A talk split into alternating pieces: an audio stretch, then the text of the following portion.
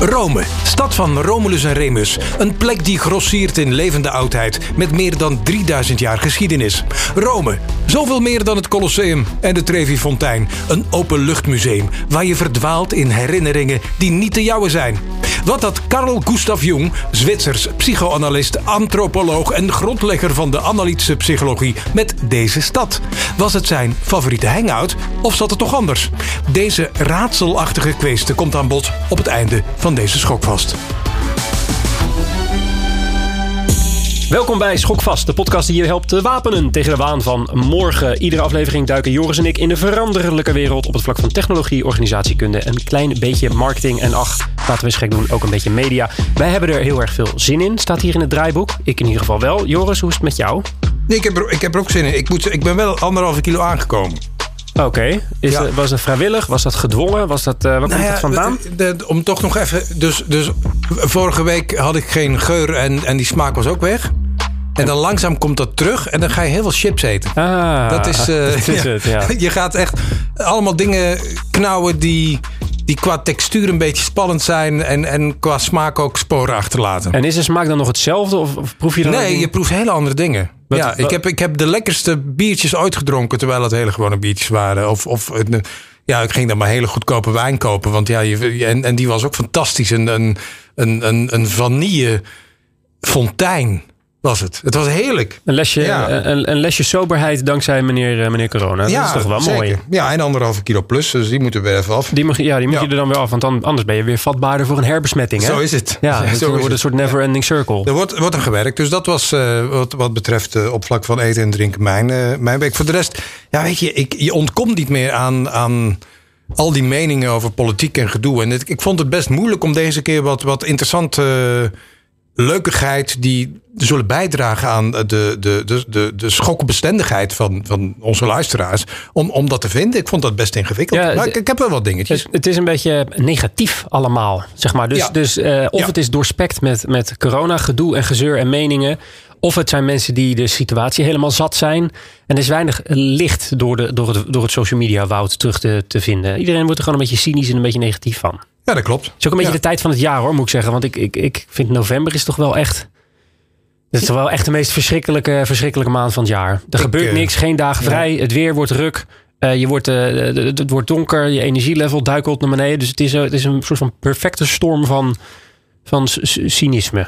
Zo, dankjewel. Ja, Nee, Maar- ik, ik kijk maar- ook altijd uit naar de, naar de, naar de, naar de winterzonnewende. de winterzonnewende. Ja, dat is zo rond 20, 21 december. En dan, Ja. dan, ja, dan, wordt, dan worden de dagen weer langzaam langer. Oh, zo ja. Ja, dat En er dat- heuvel over zijn.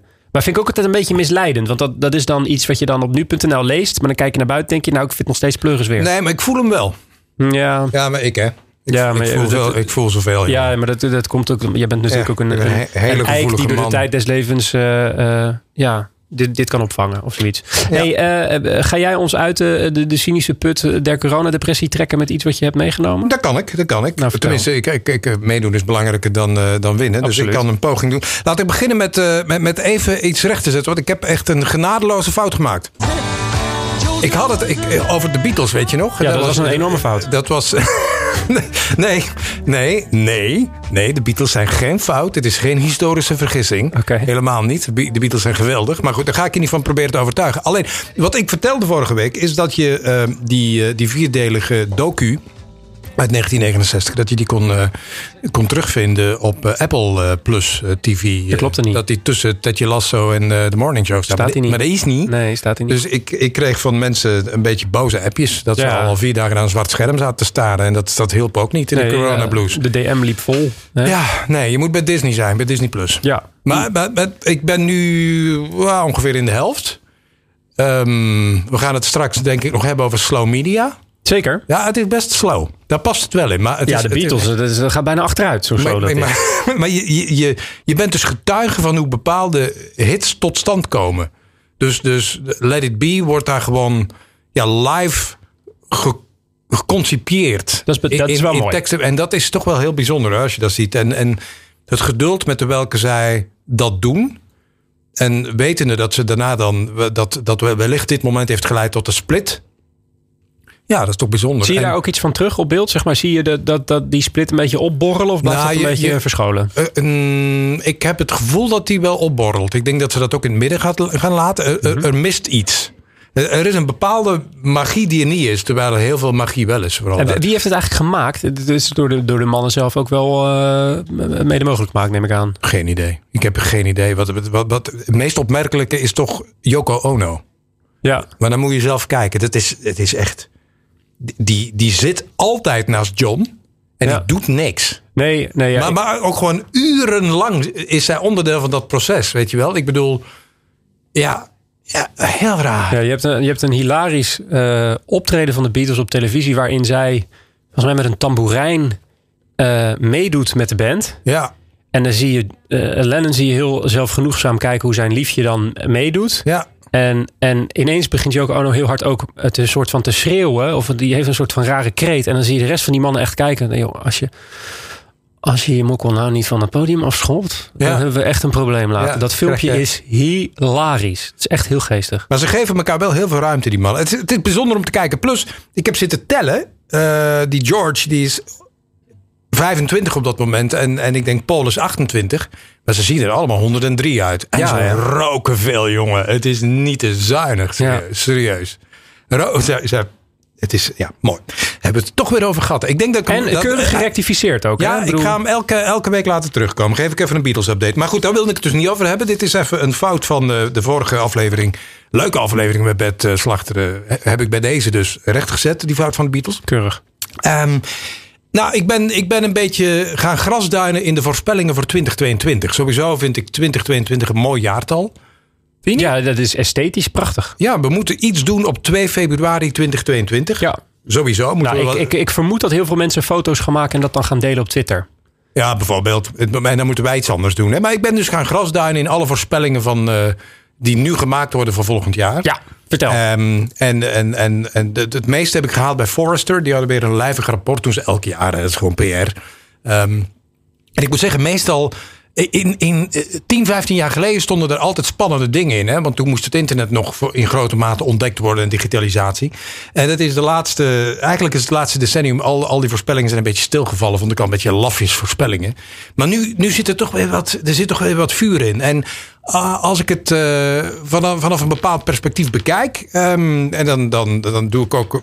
Was dat je schouder die zo kraakt? Nee, dat was het kabeltje van de, van de Oh, oké. koptelefoon. Dan, dan ik ben een jonge god van 34, hè, met een tot op de pezen afgetraind lijf. Dat ziet de luisteraar nooit. Nee. Dat mag wel een keer gezegd. Dat zetten we in de show notes. Ja. Ehm, gaat het veelal over merken en werken. Mhm. Laat dat nou ook twee thema's zijn. Hè? Twee, twee bakjes die hier af en toe ook worden. Die komen regelmatig Die langs. komen regelmatig terug. Ehm, en en wat, je, wat, je, wat, wat Forrester vooral zegt is dat, kijk, eh, zowel eh, op het functionele vlak als het emotionele vlak zijn dingen echt aan het schuiven wat betreft merken. Ehm, bijvoorbeeld, eh, consumenten zeggen expliciet dat ze volgend jaar de, de helft van de merken die ze gaan kopen of consumeren, die moeten echt matchen met hun eigen waardepatronen. Nou, ik, dat vind ik dus vernieuwend. Want überhaupt dat de consument gaat nadenken over zijn eigen waardepatronen. Dat is op zich kan dat zeer disruptief zijn. Eh, meer dan de helft van de, van de mensen van de Europese consument eist transparantie met betrekking tot businessprocessen. Ehm, mensen vinden het veel belangrijker dat merken een positieve contributie gaan doen ten opzichte van, van de maatschappij. Dat, dat soort zachte dingen, die worden echt geëist en, en zouden ook een effect zijn van, eh, van, van, van veelvuldige lockdowns. Wat, je, wat men ook voorspelt is dat de helft, dus 50% van alle nieuwe diensten en features die de afgelopen jaren zeg maar onder stimulering van lockdowns zijn gekomen, die blijven allemaal hangen. En dat gaat dan om snelleveringen, thuiswerk-apps, eh, dokters en, en geneesheren en medisch advies op afstand en dat soort dingen. Ehm, waar zij dus ook beweren dat de marketeer weer veel belangrijker wordt. Dat is op zich goed nieuws, want daar hebben we het ook wel eens over gehad. Ja, het, het lijkt wel of ze eh, echt een vast een abonnementje hebben op schokvast. Ja, we moeten een rekening gaan sturen Ik- naar ik- Forrester. Het wordt een sponsor, ik voel hem. Nee, maar CX en UX wordt een integraal onderdeel van de marketingketen en wordt belangrijker dan ooit. Tot, tot zover wat er gaat gebeuren op vlak van merken. Wat werk betreft, voorspellen zij een onvoorstelbare struggle met betrekking tot het hybride werken. En, en beweren zij dat slechts 10% van de bedrijven eh, in het Westen er zullen in slagen het hybride werken reeds in 2022 goed, ja, goed te organiseren. 90% gaat heel veel proberen en dat gaat ook ontzettend mis. Die gaan falen en daardoor voorspellen ze ook een ontzettende mobiliteit uh, met betrekking tot werknemers. Dus zij voorspellen echt dat de verschillende procenten van werknemers gaan weggaan en andere plek zoeken. En dat heeft heel veel te maken met het, uh, ja, het niet in staat zijn van werkgevers om het hybride werken op een goede manier te organiseren. Daar gaat echt bijzonder veel mis. En als laatste, heel veel bedrijven gaan komen met een vacature voor een CSO. Wat is een CSO? Ja, dat is een Chief Sustainability Officer. Oh ja. Dus als je nog een baan zoekt, dan uh, kan je daar, uh, ja, kies maar. Ik vind hier wel dingen van. Ja, Mag ja, dat? Nou ja, natuurlijk. Daarom zijn, daarom zijn we hier, Ja. Mark.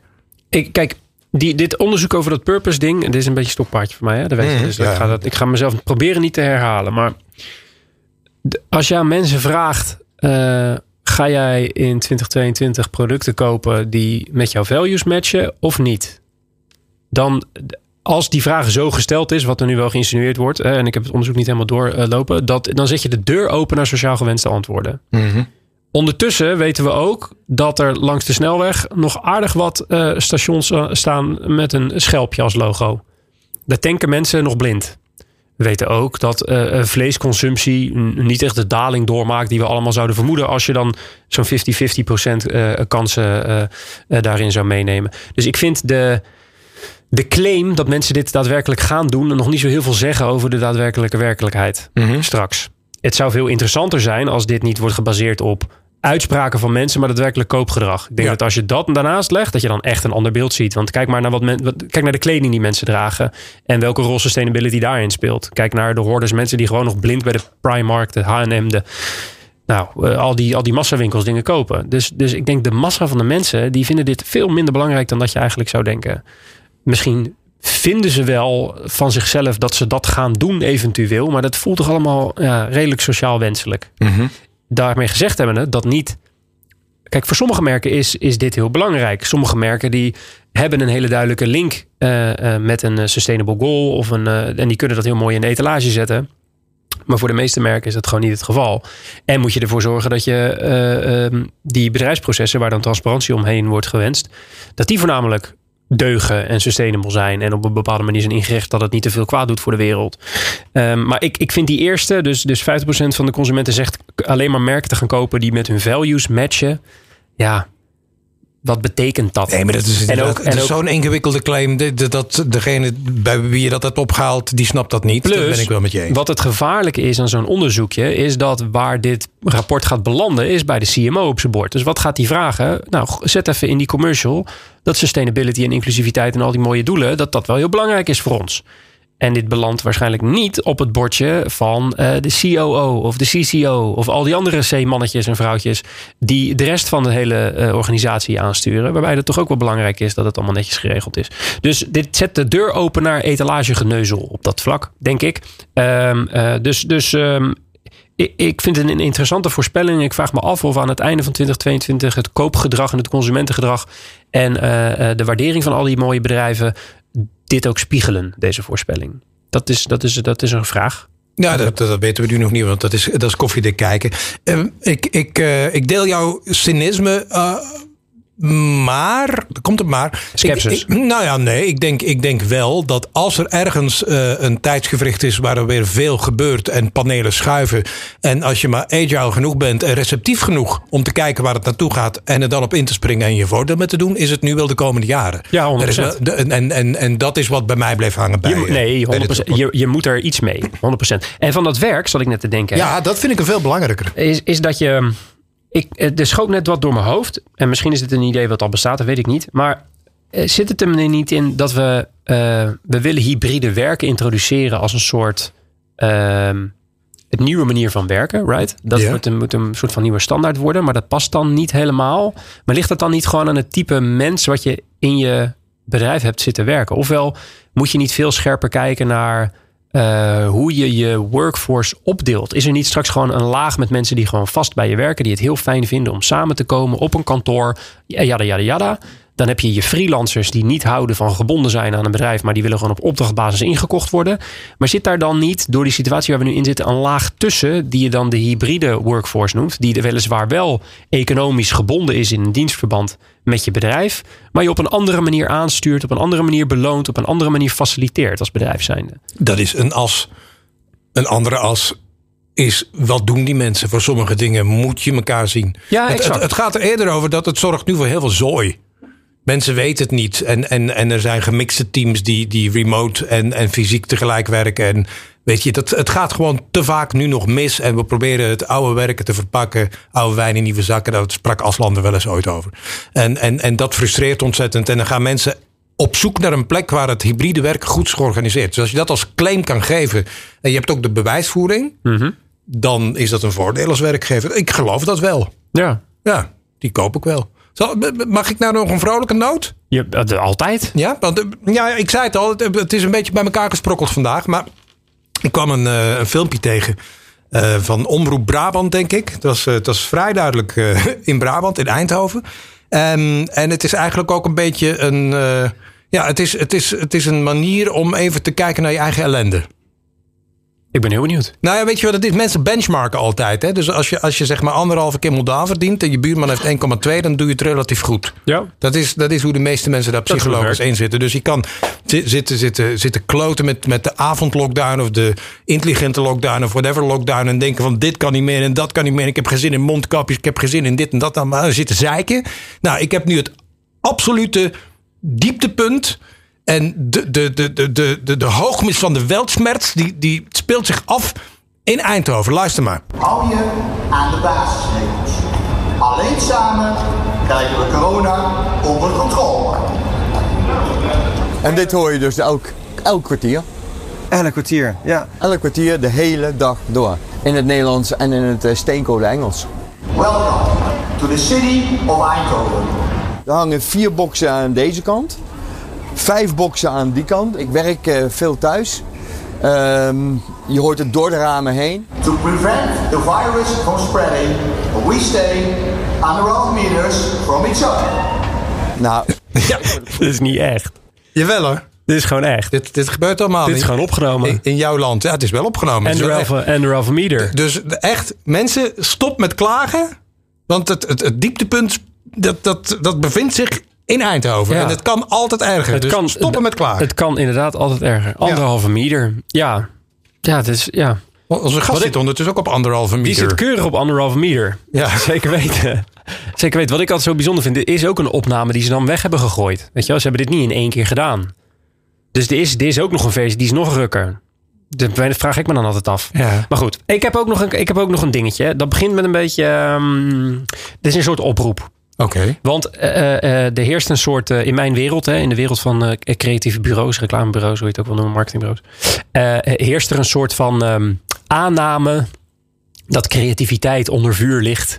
En creativiteit heeft het zwaar onder het juk van effectiviteit en, eh en et cetera, et cetera. Ik, ik las een stuk op, op, eh, op Adformatie, het mooie eh, vakmedium. En daar eh, de kop bij. Creativiteit zit in een crisis. Geschreven door Paul van Kuilenburg. Ik ken de beste manier niet. Maar die, eh, eh, die refereerde naar een, eh, een boek van Orlando Wood, een researcher. En, eh, en die schrijft eh, dat eh, reclame vlak is geworden. Doordat ehm, de manier hoe wij nu reclameuitingen distribueren, dat moet aan iedereen aanspreken, worden er ook in heel veel spotjes heel veel verschillende doelgroepen gebruikt. En het moet maar voor iedereen heel erg platgeslagen worden. Het moet heel aanspreekbaar zijn.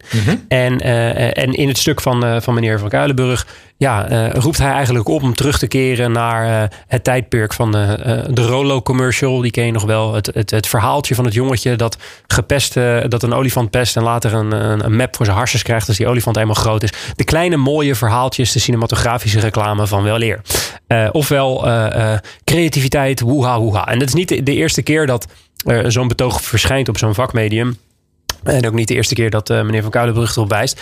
Maar ik denk, uh, als je zoveel behoefte hebt als creatief bureau om, om creatieve dingen te maken en je voelt je zo geremd door de wensen van een klant, waarom maak je dan uh, voor jezelf niet een keertje iets fantastisch moois? Want als je kijkt naar hoe uh, bureaus zichzelf vaak promoten, dan is dat altijd zo minimaal en er wordt zo weinig moeite en zo weinig liefde ingestoken. Dus ik dacht tegen het einde van het jaar, dus een mooi, mooie tijd, want dan appen de opdrachten zo langzamerhand weg. Klantjes die zeggen altijd in de tweede week van december: Ik vind het allemaal wel mooi geweest. Nou, het is een hartstikke mooie periode om samen met je creatieve team eens iets te maken voor jezelf. Bij de kerstboom. Exact. Heerlijk. Hartstikke mooi. Gezellig. Zijn we nu bij Mix ook aan het doen? Dat is de naam van mijn bureautje. Eh, eh, eh, gaan, zijn we gewoon een leuk filmpje aan het maken waarin we terugkijken op het jaar, een beetje ons werk vieren en daarin gewoon wat creatieve dingen proberen die wellicht voor klanten iets te gewaagd zijn of iets te diepzinnig of iets te, nou, whatever. Gewoon leuke dingen maken omdat je houdt van creatieve dingen maken. Dus eigenlijk is dit een oproep van al die creatieve bureaus die altijd een beetje lopen te mekkeren over dat het allemaal zo zwaar is in de creatieve industrie. Maak gewoon iets moois voor jezelf. Zet dat in de etalage als voorbeeld dat het ook op een andere manier kan. In de hoop dat klanten dan zeggen: joh, doe voor ons ook maar eens iets, iets gewaags. In plaats van die vanillemeuk die er nu doorgaans wordt uitgepoept. Dat eigenlijk. Het, is, het filmpje van ons is op 2 januari af. Dan weet Ja, ik, ben- ja, ik ben natuurlijk heel benieuwd. dan weet het eh, team, weet, team weet dat nog niet. Maar ik dacht, deadline is leuk. Ja, En eh, nu moeten we het afmaken, want nu heb ik het gezegd. Zo, dat. oké. Het is van alle tijden hè, dat die creatieven zo af en toe eh, gaan zeggen dat alles niet creatief genoeg is. Dat is logisch, toch? Nou, en ik denk ook dat je ergens een soort van er. ehm, eh, het moet accepteren dat de, de hoeveelheid reclame die er gemaakt wordt. Natuurlijk is daar een deel van niet op optimale kwaliteit. Dat komt ook doordat er zoveel verschillende meningen en processen en dingen en deadlines en tijdsdruk en allemaal dingen bij komen kijken. Dus het, het is niet zo dat je op een, eh, on- onder een brug staat met een schildersezel en een herdershond en een pak vla in je handen en dat je kan maken wat je wil. Dit is, het is veel ingewikkelder dan dat. Dus het is ook logisch dat er aan het einde van de lopende band af en toe iets uitkomt waarvan je denkt: oh, dat had creatiever gekund. Ja, tuurlijk had dat creatiever gekund. Maar het is aan zoveel invloeden onderhevig. Ja, dat je nou eenmaal eindigt soms met iets wat niet helemaal voldoet aan de hoogste artistieke standaarden van eh, eh, de, de, de, de creatieve eh, industrie. Rolo, bestaat er nog? Eh, ja, het is best wel lekker ook. Dat is smerig, man. Dan gaat het tussen die tanden zitten. Ja, vind ik wel Helemaal niks met die, karamel. Je bent mijn betoog zat, hè? Dat is het. Nee, nee, nee, nee, nee. Ik wil even een bruggetje naar. Want, want die Rolo-campagne, ja, inderdaad, als je ooit iets in de reclame hebt gedaan, dan ken je dat. Hè? Dat heeft dan de gouden lampen. En, en, en vooral in Cannes was dat eh, toch? Ja, ja. ik dat denk zou kunnen. 1993. Ja, ja, misschien iets later, maar ja, daar ergens. Dat, dat- dus toen was het medialandschap natuurlijk veel minder versnipperd dan nu. Ja, dus, 100%. dus, dus, dus je had nog echt zoveel share of voice in één keer te pakken. Exact. Dat je agenda zettend kon zijn met dit soort commercials. Het dat is nu heel makkelijk veel om, eh, het was heel makkelijk om op te vallen. Dat is Ja. inderdaad zo. En, en ik, het is ook, ik heb een oud collega die zei eh, altijd eh, tegen me als creatieven te koppig waren. Dit was een strateeg die zei: Als je kunstenaar had willen worden, dan koop je maar een, een pak vla en een herdershond. En dan ga je onder een brug staan. ja, Maar je werkt in de creatieve industrie voor klanten. Dus dat, dat houdt nou eenmaal in dat je concessies moet doen op creatief niveau. En, en dat is waar. En aan de andere kant heb je ook gewoon eh, hele slimme creatieve mensen in zo'n bureautje zitten. Die zelf gewoon ook dingen voor je bureautje kunnen maken. Eh, je hebt zelf ook een etalage, poets die ook eens een keertje op. En eh, maar daar ben je mee bezig. Ik ben benieuwd door 2 januari. Ja, ja, ik, heb, ik- ik, heb, ik heb nu iets om naar uit te kijken het in is het ook, nieuwe jaar. ik besef me nu ook derdegen dat ik nu een lat heb neergelegd eh, waar we, waar we ehm, met moeite eh, bij gaan kunnen komen. Maar dat is juist ook fijn. Hè? Het moet een beetje piepen en kraken. De eerste is schokvast van het nieuwe jaar gaan we die, die, die zelfbevlekking van jou eens goed onder Die de gaan loep we nemen. integraal afspelen. En. Misschien wel het hele jaar. Mooi. Ehm, eh, over over eh, cutting through the clutter eh, en kwaliteiten gesproken. Eh, het is tijd om naar onze gast te gaan. Laten we dat doen. Kijkend naar schermen verdrinken we met z'n allen in een zee van informatie en ongeorganiseerde content chaos. Maar gelukkig dobbert ergens in de oceaan een reddingsboei in de vorm van onze gast. Hij trok met zijn team dit jaar midden op de digitale snelwegen aan de handrem en lanceerde Mohi, werelds eerste slow media community made in the Netherlands. We gaan stoppen en aan de rozen ruiken, geplukt door de founder van Mohi, Wiebe van de Vijver. Dag Oh, Wiebe. Dag, hoi. dag Wiebe. Hoe is het? Ja, heel goed. Ja? Ja. Dat, eh, dat, eh, hoe zit je erin deze week? Heb jij evenveel last van een november als, eh, als waar wij net eh, zo over aan het zeuren waren? Of valt het mee? Ja, ja en nee. Ik denk dat ik altijd mezelf dwing als eerste reactie te zeggen dat, dat ik er minder last van heb. Omdat er heel veel mensen echt in veel lastigere situaties zitten met dit soort lockdowns. Maar ik heb ook wel even flink de balen van gehad. Ja, dat snap ik. wij wilden vooral, kunnen we misschien zo meer vertellen, mooi ook offline trekken. Dus we hadden allerlei mooie events. Eh Sanne Schimmelpenning stond opgelijnd, Claudia de Brij stond opgelijnd. En dat hebben we dan helaas moeten afzeggen. Allemaal moeten cancelen, ja. Maar wat, wat ging je doen dan? Dat vind ik leuk. Nou, het idee natuurlijk van Mooi is dat je eh content tips uitwisselt. En het idee is, nou laten we eens op een podium mensen als Sander Schimmelpenninck en Claudia de Brij eh, vertellen wat, welke film, podcast, boek vinden zij nou eigenlijk prachtig en waarom. Oh, grappig. Ja, leuk. Bite-sized zomergasten. Ja. Ja, het event wat nooit heeft plaatsgevonden. Of misschien, mis- misschien later. Ik hoop het. Ik, ik verwacht zien, ook een, ja. ker- een kerstfeest in juli, denk ik. Want dat, eh, dat van Maker Street, dat is geannuleerd. Ja, Maar dat- dat, dat- schuift lekker door. Dat hè? schuift lekker door. Ja. Zo Iedereen krijgt het gierend druk in februari Ja, en daarna in maart en daarna in. eh, en dan uiteindelijk wordt het allemaal gecanceld. Dan zitten we toch weer in november. Hè? Ja, ja, en het, ja helemaal Misschien waar. combineren met dat huwelijk. eh, Gewoon Ja, alles gewoon- op één pot. Kunnen we het niet allemaal gewoon op één... Dat we hier de parkeerplaats bij het Mediapark gewoon leegmaken. Dat we het allemaal in één keer doen. Een soort festival der vergeten events. Voor, Nou, voor heel Noord-Nederland dan? Exact, exact, eh, Wiebe, als jij aan een, nieuwe gebruiker, zeg maar, die loop je tegen het lijf en van je denkt, die, die zou wel eens geïnteresseerd kunnen zijn in Mooi. Wat is je pitch? Wat doet het? Ja, de pitch is dat we in een overvloed aan content leven. Eh, het is de laatste jaren geëxplodeerd. Films, podcasts, artikelen, noem het maar op. En Mooi probeert daar focus in te brengen. En eh, wat wij zien is dat er zijn natuurlijk algoritmes die jou tips geven. Er zijn reviews in de kranten. Maar wij geloven dat tips van vrienden eigenlijk de allerbeste raadgever is. En er is ook allemaal onderzoek dat aanbevelingen van je vrienden neem je eigenlijk het meest serieus. Dus dat proberen wij te bieden. Een platform waar jij altijd tips gereed hebt van jouw vrienden. Eh, en om het dan wat praktischer en, en een use case te geven aan de gebruiker, geef ik aan van nou, hoe ga jij nou Mooi gebruiken? Op jouw dode momenten kan je door Mooi scrollen en kijken, hey, hebben mijn vrienden of bekende schrijvers, artiesten, journalisten nog een goede tip gepost? Als je die ziet, kan je die in je mooie app in jouw eh, opslaan, save for later vergaarbak plaatsen. En dan op die momenten dat je eindelijk eens een keer tijd hebt om eens even echt een lekkere podcast te luisteren of eh, een, een goede film te kijken, open je mooie app, ga je door je bak wat je hebt bewaard en zorg je dat je gewoon gelijk topkwaliteit voorhanden hebt. Ja, dus het is een soort eh media dieet samengesteld door je inner circle eigenlijk en de mensen die je belangrijk vindt. right? Exact, exact. En het is grappig dat je media dieet zegt.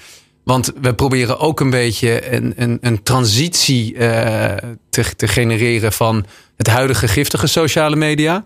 Ehm, maar wat ik wel grappig vind aan het woord dieet is dat ik zie Mooi als eh, het, het een beetje groener dieet in de mediaconsumptie. Dus ik denk niet dat eh, mensen niet meer gaan snacken op Insta en Twitter. Eh, maar Mooi biedt dat moment dat je denkt van nou, nu heb ik eventjes de energie in de headspace om echt een lekkere groene bak sla. Oftewel een goed artikel, mooie film, een schokvast podcast te luisteren. Dan ga je naar Mooi. En, en je, eh, want mensen die jouw achtergrond niet kennen, je hebt bij Google gezeten, je hebt bij Impraise, eh, eh, grote ja, HR-software, zullen we het zo noemen, eh, start-up scale-up gezeten.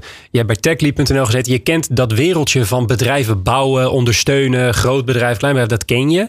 Dat kan ik me voorstellen dat voordat jij, een type zoals jij, beslist, dit wordt mijn nieuwe ding, dat daar wel wat hordes vooraf gaan, weet je, wat overwegingen die je meeneemt. Wat was het aan het idee van Mooi waarvan je dacht, dit, dit, is, dit is waarom ik het ga doen. Dit is waarom dit gaat lukken. Ja, nou, je, je, je hebt me goed ingeschat. Dat is zeker waar. Dit is, eh, ik zou niet zomaar impulsief ergens inspringen. En het heeft eigenlijk met twee dingen te maken. Eén was dat dit idee jaren in mijn broekzak aan het branden was. Want ik heb een hele lijst met ideetjes.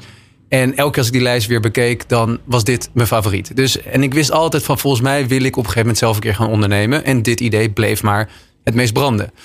Wat daarbij komt, is dat eigenlijk twee ervaringen die continu bleef, eh, bleef inzien en, en ervaren, is dat enerzijds, ik bleef momenten hebben dat je eh, met, met vrienden over een goede film had.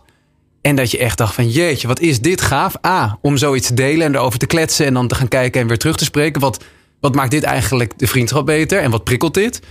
En waarom heb ik eigenlijk niet altijd een aanbod van mijn vrienden? Waarom weet ik niet veel meer wat mijn andere vrienden ook nu interessant vinden?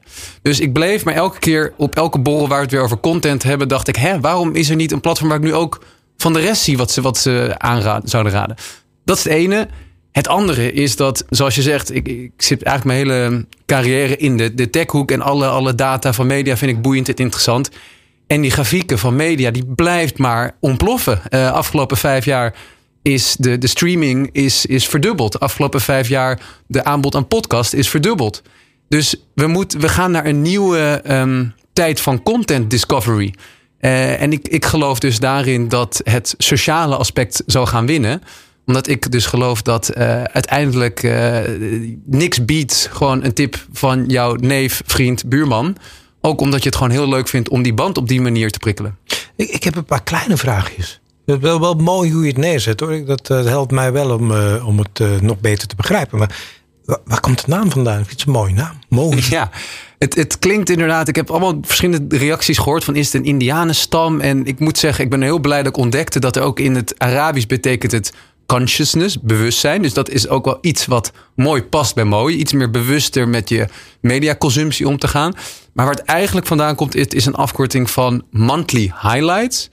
Omdat de visie is ooit begonnen van oké, we willen curatie optimaliseren. Hoe gaan wij content curatie optimaliseren? Oké, allereerst begint het bij het geloof van vrienden. Vrienden is de beste bron van tips. Maar als jij nu ieder moment continu tips van vrienden, dan ben je, zit je weer in een, in een bos. En toen, uh, ja, eigenlijk op, op twee jaar, drie jaar, jaren broeden van wat zou nou optimaal zijn. Op een gegeven moment kwam het idee van wat nou als één keer per maand, volgens mij is dat een heerlijke frequentie. Iedereen zegt, nou, deze ene podcast, deze ene film, deze ene boek, dat mag je niet missen. Dus vandaar monthly highlights. dat, dat, eh, dat is een eh, hele functionele verklaring eigenlijk. Ik vond die mooi, die zou ik er ook in houden eigenlijk in de tagline. Dus dat, dat, dat, geeft dus wel heel veel secret sauce, vind ik. Mooi, mooi, heel mooi. En, en, en je zet het dan neer als slow media, toch? Of slow, slow media. Wat is er dan zo slow aan? Ja, slow media. Ik heb het zelf ook moeten opzoeken, moet ik toegeven. Ik denk dat je het op twee manieren kan zien. Kijk, het, het, je, hebt, slow media als in dat je een, een video opzet van een, een duivennest of een, een brandende open haard. Dat is op een gegeven moment ook een trend geweest. Uh, waar het bij mij meer om gaat, en daar ook slow media voor staat, is het consumeren van meer iets diepgaandere kwaliteitscontent. Mm Dat we toch wel heel erg de laatste jaren juist veel meer die uh, ja, bite-sized snacks aan het consumeren zijn met z'n allen. Waar ik denk dat er waarde is dat we ook proberen eh, elkaar te prikkelen om af en toe iets meer diepgaande en mooiere content uh, te versnaperen. En, en dan, je maakte net al, dat vond ik een interessante metafoor, denk ik, met het dieet. Niet, als je in die metafoor blijft, niet iedereen heeft behoefte aan een groene dieet. Sommige mensen blijven gewoon bij de McDonald's eten en die, die zullen dat voor hun hele leven blijven doen. Er zijn best wel veel mensen. Hoe, hoe is die uh, die kwalitatieve insteek, is dat een beperking voor je schaal in, dat, in die optiek? Is dit, voor wie is MOI er? Dat is echt de vraag. Ja, dat is een hele goede vraag. Ik denk dat de, het meest voor de hand liggende is wel inderdaad die doelgroep die echt behoefte heeft aan die kwaliteit. En daar zitten wij nu ook in eerste instantie op te mikken. Uh, het terechte vraag, zeker in Nederland, is dat voldoende schaal? Uh, ik denk wel, en dat is ook ons doel, om buiten die uh, doelgroep te komen. Want ik denk wel dat er het, het, kwaliteit is een, is een breed begrip. Uh, het heeft natuurlijk ook mee te maken. Uh, ik noem maar wat. Gewoon, er zijn, er zijn mensen die, die nou, een, een, een, iets meer voor. Als jij een, uh, ik noem maar wat, Lady Gaga fan bent. In plaats van dat je met allemaal in, op, op, op Twitter allemaal ruis hebt over Lady Gaga. Of op Insta allemaal snapshots. En, en wordt getrokken in een soort fuik met allemaal onzinfilmpjes ook voor mensen die gewoon Lady Gaga fan zijn, wat, wat denkt dat het dat de hele bevolking uh, kan zijn. Wil je eigenlijk een soort bewustwording dankzij moment van hey, je kan ook even de tijd nemen om echt eventjes voor een uitgebreide docu van Lady Gaga te gaan zitten. Ja. Uh, dus ik hoop ook wel dat het eigenlijk op alle uh, interesses en, en kwaliteitsideeën ehm, ehm, kan passen. Wat vind jij belangrijk? Dan moet je, en je moet kiezen. Daar komt hij. Heel veel mensen of veel minder, maar wel heel bijzondere mensen die gaan cureren? Uh, die moet ik eventjes laten, laten zakken. Dus want... Dus, heel veel gewone mensen. Ik geef je even tijd om te laten zakken. Dus heel veel gewone mensen die hier ook een auto parkeren op P1 van de, van de publieke omroep. gewone mensen, zo, eigenlijk zoals Mark en ik. We zijn ook hele gewone mensen. Wij, zijn dan ook de gewone mensen. Of, of een aantal uh, Lady Gaga's en... Uh, ja, maar de vraag was om wie er cureren, right? Ja, wie er cureren. Ja, nee, dan? dan? Dan zou ik gaan. Uh, uiteindelijk is het wat we nu ook uh, aan het opzetten zijn het, zijn. het zijn je vrienden, de mensen, je inner circle. En het zijn wat voor jou bijzondere mensen zijn. En nu zitten we, denk ik, wel iets meer in het uh, hoogopgeleide intellectuele doelgroep. Uh, en dan zoek je dus wat zijn voor hun bijzondere mensen. Nou, dat zijn de, de, de columnisten van de, van de Volkskrant en van de NRC. Die proberen we erbij te halen. Uh, en we zorgen dat mensen hun inner circle daar langzaam aan het uitbouwen zijn. En uiteindelijk wil je het uitbreiden, het platform. En wil je ook dan kijken, oké, wat is voor de bredere doelgroep? Wat zijn voor hun bijzondere curatoren? En die transitie zijn we nu aan het opzetten. En ja, want, want je hebt uh, een aantal een van de manieren hoe je het platform aanjaagt is door middel van de bekende gezichten. Hè? Boris Veldhuizen van Zanten van de Next Web zit, er, uh, zit erop. Uh, uh, Carice van Houten, als ik me niet vergis. Ik heb toevallig net voor mijn Sinterklaas verlanglijst het boek 4000 Weeks opgezet. Die werd aangeraden door Erjan Fout, de oprichter en CEO ja, van Correspondent. Van correspondent. Ik ja. hoop dus dat, ja, dat, dat, en dat, dat is nou een voorbeeld die ik bijzonder vind. En alles wat, wat hij interessant vindt, dat heb ik het gevoel dat wil ik ook zien, luisteren of kijken. En, en zie je dat als, wordt, is dat een een blijvende groeipijler? Of is dit een, een puur promotionele push die je rondom de lancering? Want laten we wel wezen, uh, Mooi bestaat nog niet zo lang. Hè? Mensen die dit nu aan het luisteren zijn en horen wat je allemaal hebt gedaan, die denken waarschijnlijk, oh, hij is ergens uh, in, in 2019 begonnen. Maar dit is, wanneer heb je gelanceerd? Eind juli. Dus ja. bedoel, je zit echt nog in de startfase en dit is er, staat er allemaal al. Maar is dit, was dit een lanceringsidee? Of is dit het, iets waarvan je zegt, oké, okay, dit is wel een bedoeling? Ja, dat is een leuke vraag. Want als je het mij had gevraagd voor de lancering, had ik gezegd, het is een lanceringsidee een beetje, ja, uh, je moet het, het, netwerkeffect moet je aankrijgen. Dus als er nog niet je vrienden op het platform zitten, wat kan je er dan wel vinden? Nou, interessante mensen. Ja. En daar kom ik nu, verander ik nu het inzicht op. Want ik merk dat uh, als wij, we doen veel uh, user interviews en gesprekken. Er zijn grappig genoeg mensen die veel meer waarde hechten aan hun vrienden. En er zijn grappig genoeg veel meer mensen, of mensen die veel meer waarde hechten juist aan de bekendere mensen. Dus ik denk dat dit een een, het blijft een onderdeel van Mooi. Dat je ook de mensen die jij boeiend vindt en niet in jouw inner cirkel zitten, dat je die ook op Mooi kan vinden. Ah, je hebt dus gewoon twee typen gebruikers eigenlijk. Nou, op dat gebied dus zie je dat er verschil is van wat mensen het meest interessant vinden aan Mooi. Ja, grappig. Ja, die, die snap ik wel. Ja. Grappig. Wat vinden jullie?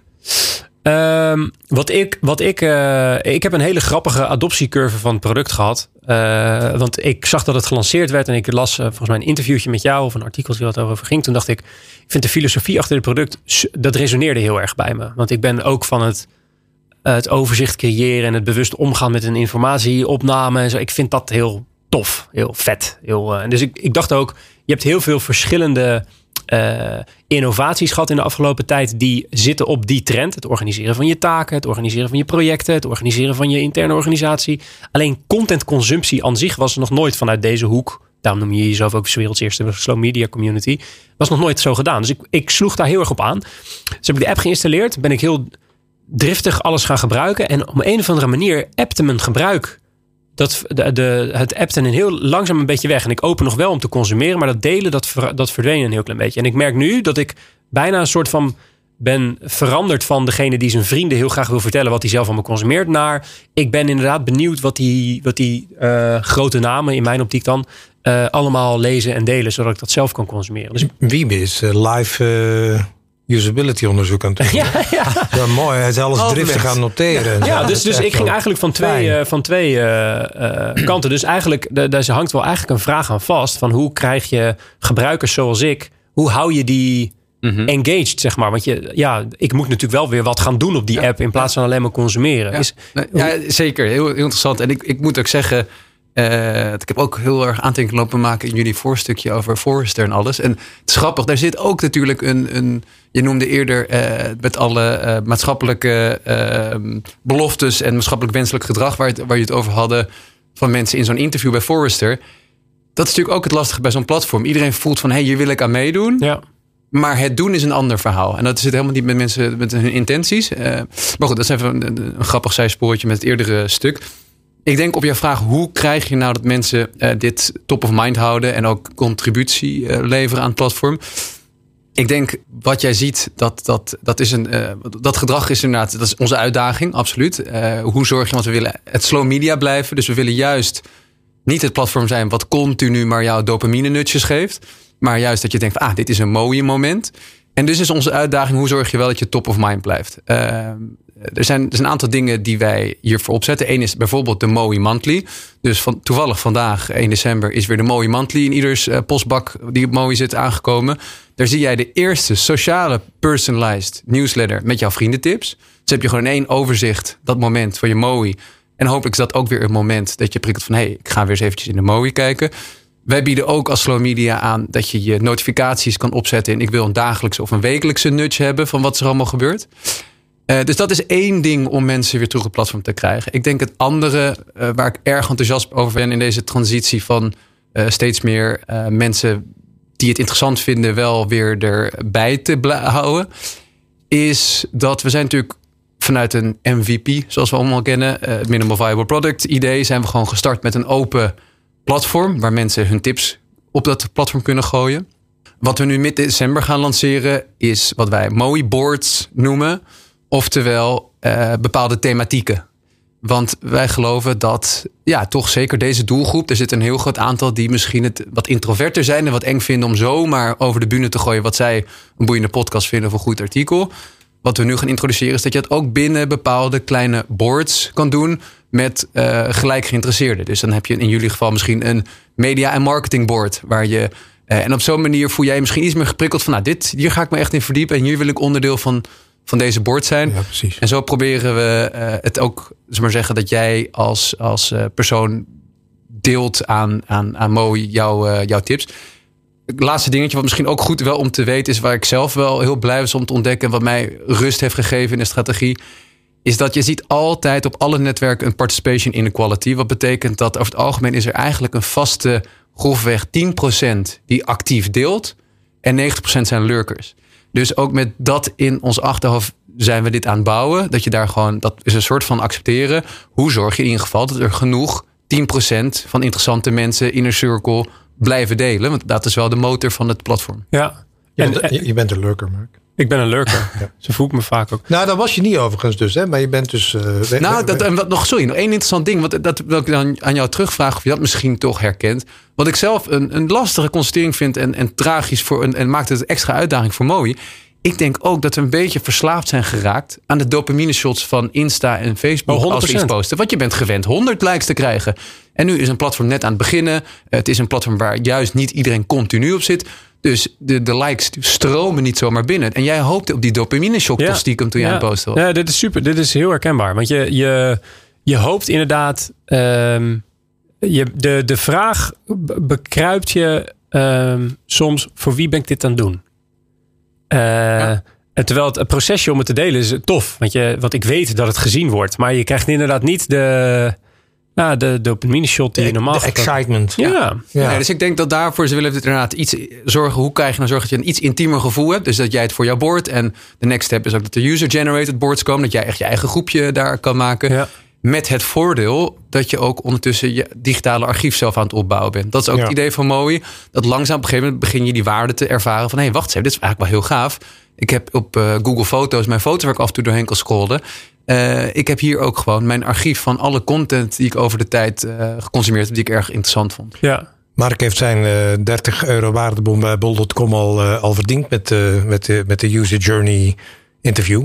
Ja, nee, dat gaat gewoon dus, rekening ik, maar, maar, ik, ik, wil hem ook nog hebben. Maar, maar, maar, ja, ja, doe, doe, doe. Nou ja, ik zit. De vraag was, was, was vrij, was vrij helder. Um, en je, je gebruikte persoonlijk voornaamwoord we. Dus dan uh, dacht ik, ik wil ook die bon.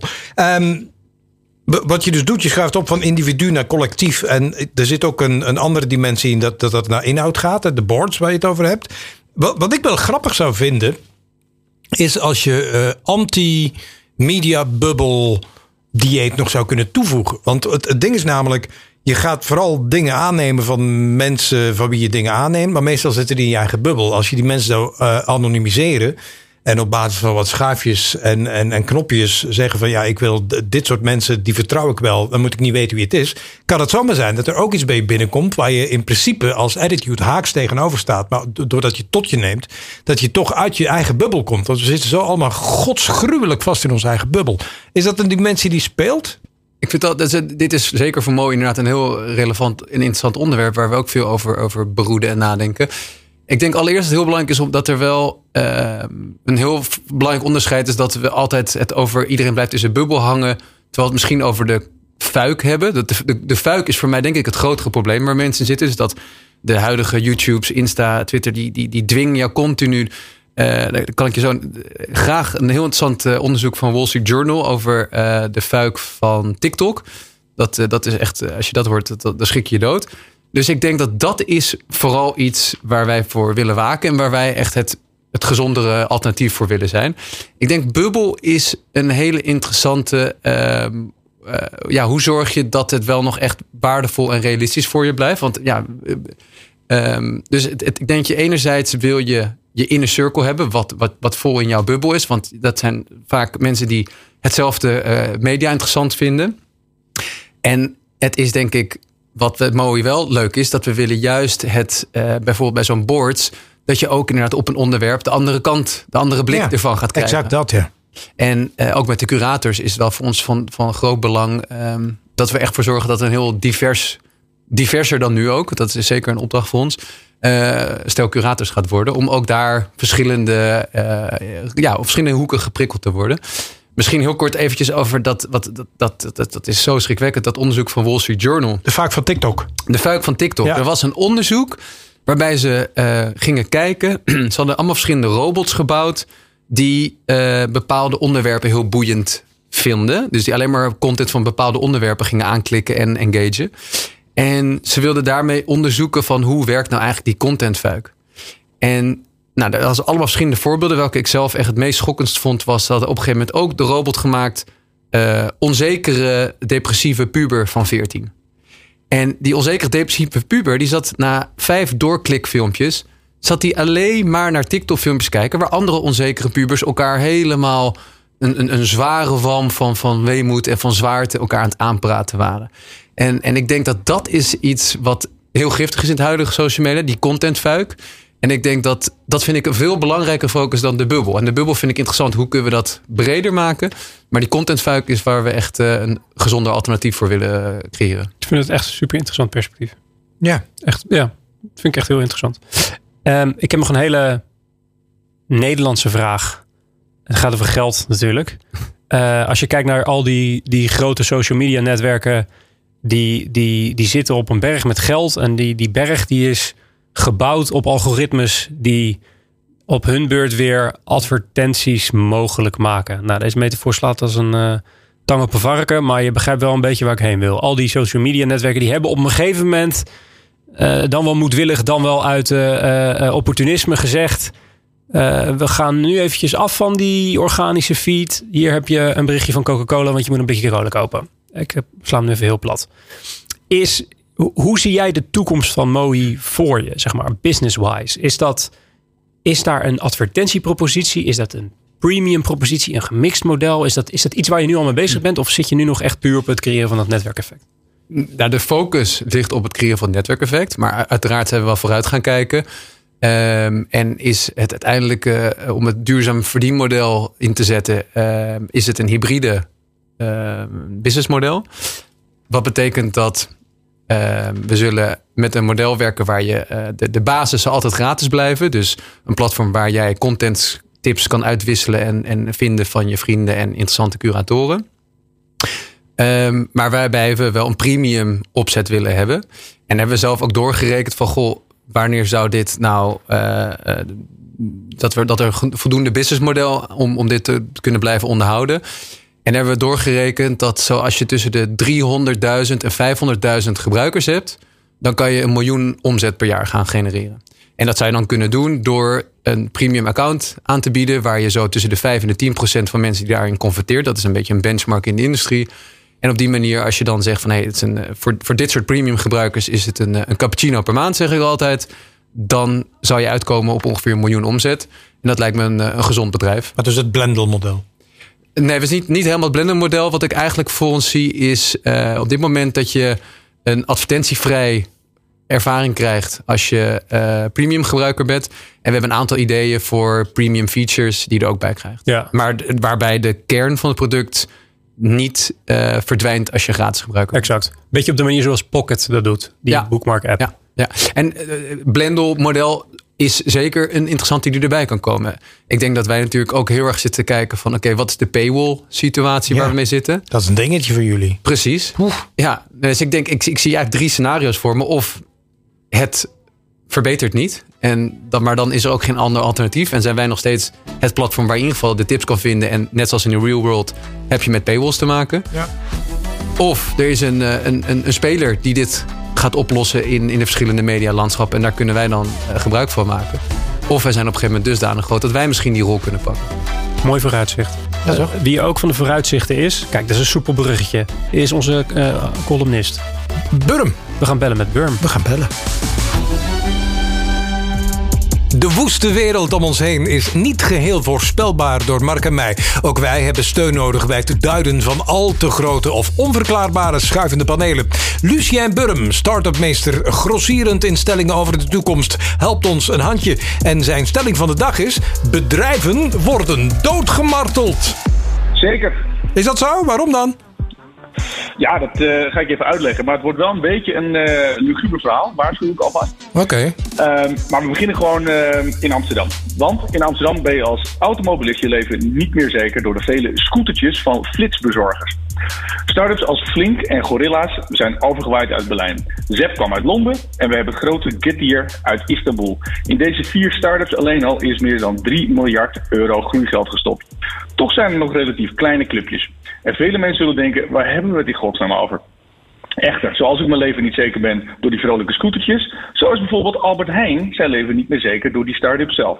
En dat lijkt maar langzaam bij ze door te dringen. Hoe kunnen dit soort relatief kleine clubs met een niche dienstverlening nu zo'n bedreiging vormen voor dat grote Ahold? Daarvoor moeten we naar China, het oude China. Daar hadden ze zoiets als Lingqi. Dat klinkt een beetje als lintje, en dat is het ook. De Engelse uitspraak Death by a thousand cuts is erop gebaseerd. Landverraders of iemand met een willekeurig ander vergrijp dat de keizer niet aanstond, die kon veroordeeld worden tot de dood door het één voor één afsnijden van stukken weefsel en ledematen. Bij voorkeur begon men met de ogen, zodat de rest een extra spannende sensatie werd voor het slachtoffer. Ergens tussen de 100 en de 3000 stukken werden afgesneden in vaak het tijdsbestek van niet langer dan deze podcast. Maar als men er zin in had, dan kon het ook dagen duren. In 1905 werd dit afgeschaft. Tot die tijd moest je dus best oppassen in het oude China. En Albert Heijn moet dus ook oppassen. Ze gaan niet stuk omdat één concurrent ze groot aanvalt op hun core business. Ze gaan kapot omdat er stap voor stap stukken uit hun business gesneden wordt tot de dood erop volgt. Ga maar na. Eerst was het thuisbezorgd, dat kostte al een beetje omzet. Toen ingrediënten bezorgen, zoals HelloFresh. De thuischefs hoefden ook niet meer naar buiten. En toen was het Picnic, die de weekboodschappen sneller en flexibeler kon bezorgen dan Appie. En sinds kort brengt Crisp knetterverse producten zo van het land naar je bord. En nu zijn er dan de flitsbezorgers, zodat niemand meer dat pak melk komt halen dat men was vergeten. Albert Heijn zit in de hoek waar de klappen vallen. Eén voor één worden hun taken beter en sneller gedaan door startups. Het enige onderdeel van AOL dat nog echt groeiwaarde heeft, is misschien bol.com.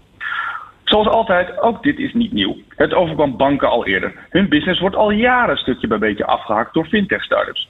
Beleggen doen we via Bux, lenen via crowdfunding, je bankrekening loopt via Bunk en dan lanceert de Europese Centrale Bank straks ook nog de digitale euro, zodat mensen straks helemaal geen bankrekening meer nodig hebben. En dan laten we de cryptocurrencies als geheel nog even buiten beschouwing. Het is tot slot ook niet voor niets dat alle banken samen op de beurs minder waard zijn dan onze voormalige start-up en betaalsystemen, Adyen. Onze grote bedrijven worden dus gruwelijk doodgemarteld door start-ups. Maar waarom laten ze dat gebeuren? De Franse filosoof Georges Bataille, die getuige was van enkele lynchies in dat oude China, die sprak over een paradoxale extase bij de slachtoffers. Pijn is blijkbaar fijn. Brengt deze marteling genot in de bestuurskamers? Dit riekt naar corporate masochisme, gevoed door die corporate terroristen die we start-ups noemen. En mocht er toevallig een corporate therapist aanwezig zijn vandaag, dan voorspel ik dat die het nog heel druk gaat krijgen. En mocht iemand tijdens die sessies een droge keel krijgen van het praten, dan is een flesje bubbels zo besteld en bezorgd in minuten door die hele vrolijke flitsbezorgertjes. Keurig. Hey, Burm, zei je nou, zei je nou 1905 is wanneer dat Death by a Thousand Cuts is afgeschaft?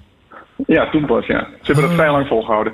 Holy moly paradoxale extase. Dat is, dat is hoe ik mij voel als ik deze podcast maak met jou. Maar ja, dat is ook, dat herken ik heel constante vorm van extase en, en, en ja, de paradoxen die vliegen heen en weer. Burma, als jij, eh, als jij in de directiekamer van Ahold eh, zou zitten, wat, wat zou je move zijn om deze eh, geleidelijke amputatie des bedrijven te, te, te weerstaan of tegen te gaan? Ja, ja, ik zou niet gelijk zelfmoord uh, willen adviseren natuurlijk.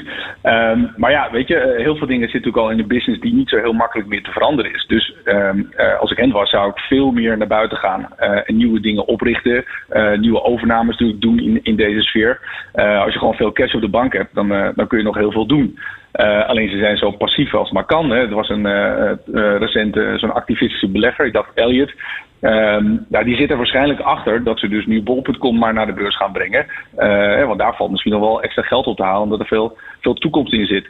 ja, dus de lijn zit een beetje in dat soort, eh, dat soort nieuwe eh, initiatieven optuigen. Oké. Hey, en die- die paradoxale extase, ja, het laat mij niet los hoor. Zit, vind die dat pa- mooi, hè? Ja, ik vind het prachtig. Eh, zit die paradox er nou vooral in dat je ook als slachtoffer wel mee mag doen en niet genegeerd wordt? Want eigenlijk is, als je genegeerd wordt, dat is het ergste wat een mens kan overkomen. Dus ook een bedrijf. Maar dus als je gewoon op de pijnbank ligt, dan, Doe je er nog toe? dan doe, je, doe je er nog toe. Zit daar die paradox in, denk je?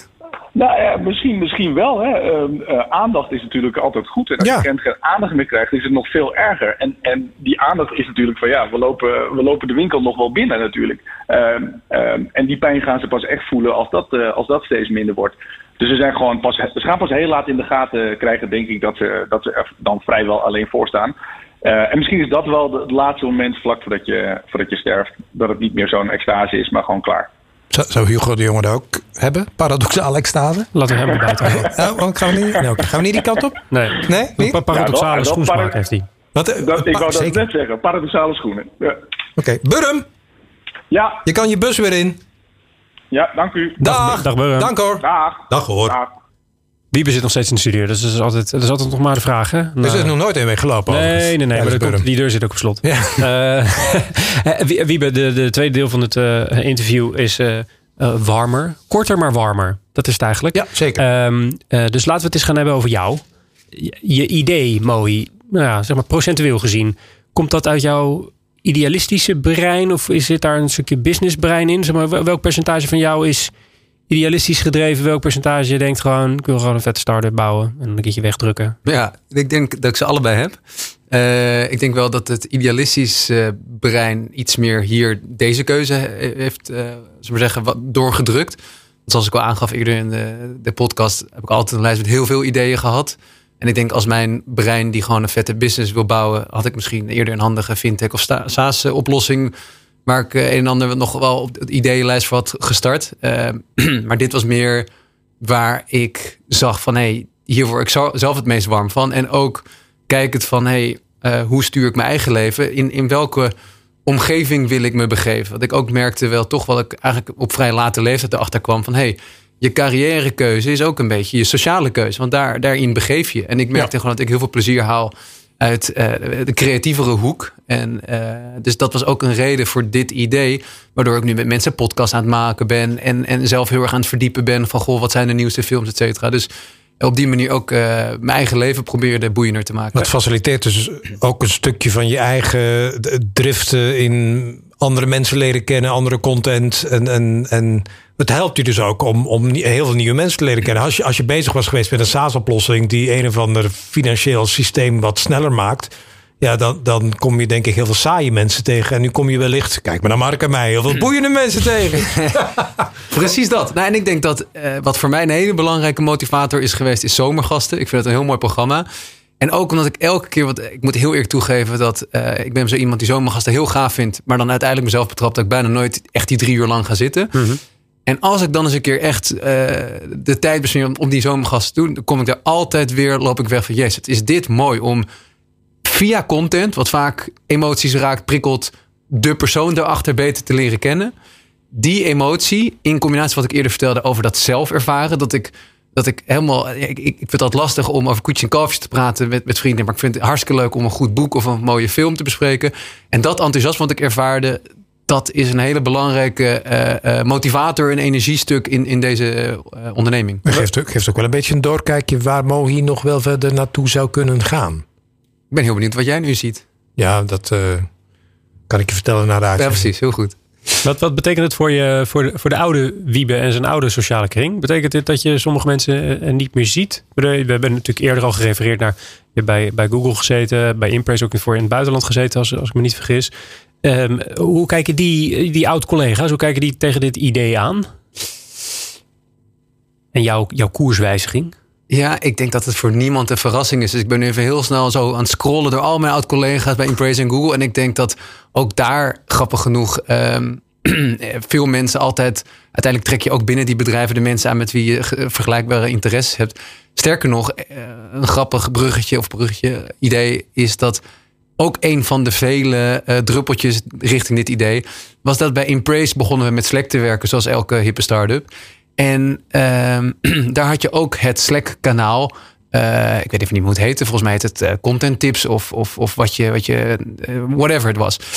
En dat, dat was eigenlijk het meest drukke kanaal van het hele bedrijf. En ik merkte ook hoe leuk mensen het vonden om te delen en uit te wisselen. En op een gegeven moment bij de lunchtafel ging men het over hebben. Omdat iedereen had die podcast op een gegeven moment gezien die die ene collega getipt had. Dus eh, eh, grappig genoeg zit daar juist ook wel een beetje de, de eerste stapjes richting dit eh, plan. Grappig. Grappig. Het is vandaag is het 1, 1 dece, eh, 2 dece, 1 december. Welke datum is 1 het? december. 1 december. Dat betekent dat, wa- wat je net zelf al zei, dan komt de MOI uit per persoon. Ehm, wij vragen ook aan het einde van het interview altijd: heb je nog iets te tippen? Nou, als we dat aan jou niet zouden vragen, dat zou echt dat het kan meest paradoxale, hè? dan hebben we een meer Ja. eh, event uit deze schokvastgeschiedenis zijn. Ehm, hoe- ziet je MOI van deze maand eruit? Mijn, nou, dus de MOI die bestaat uit het onderdeel van de tips van je vrienden. En eh, een onderdeel van wat was er nou het meest getipt uit het hele netwerk.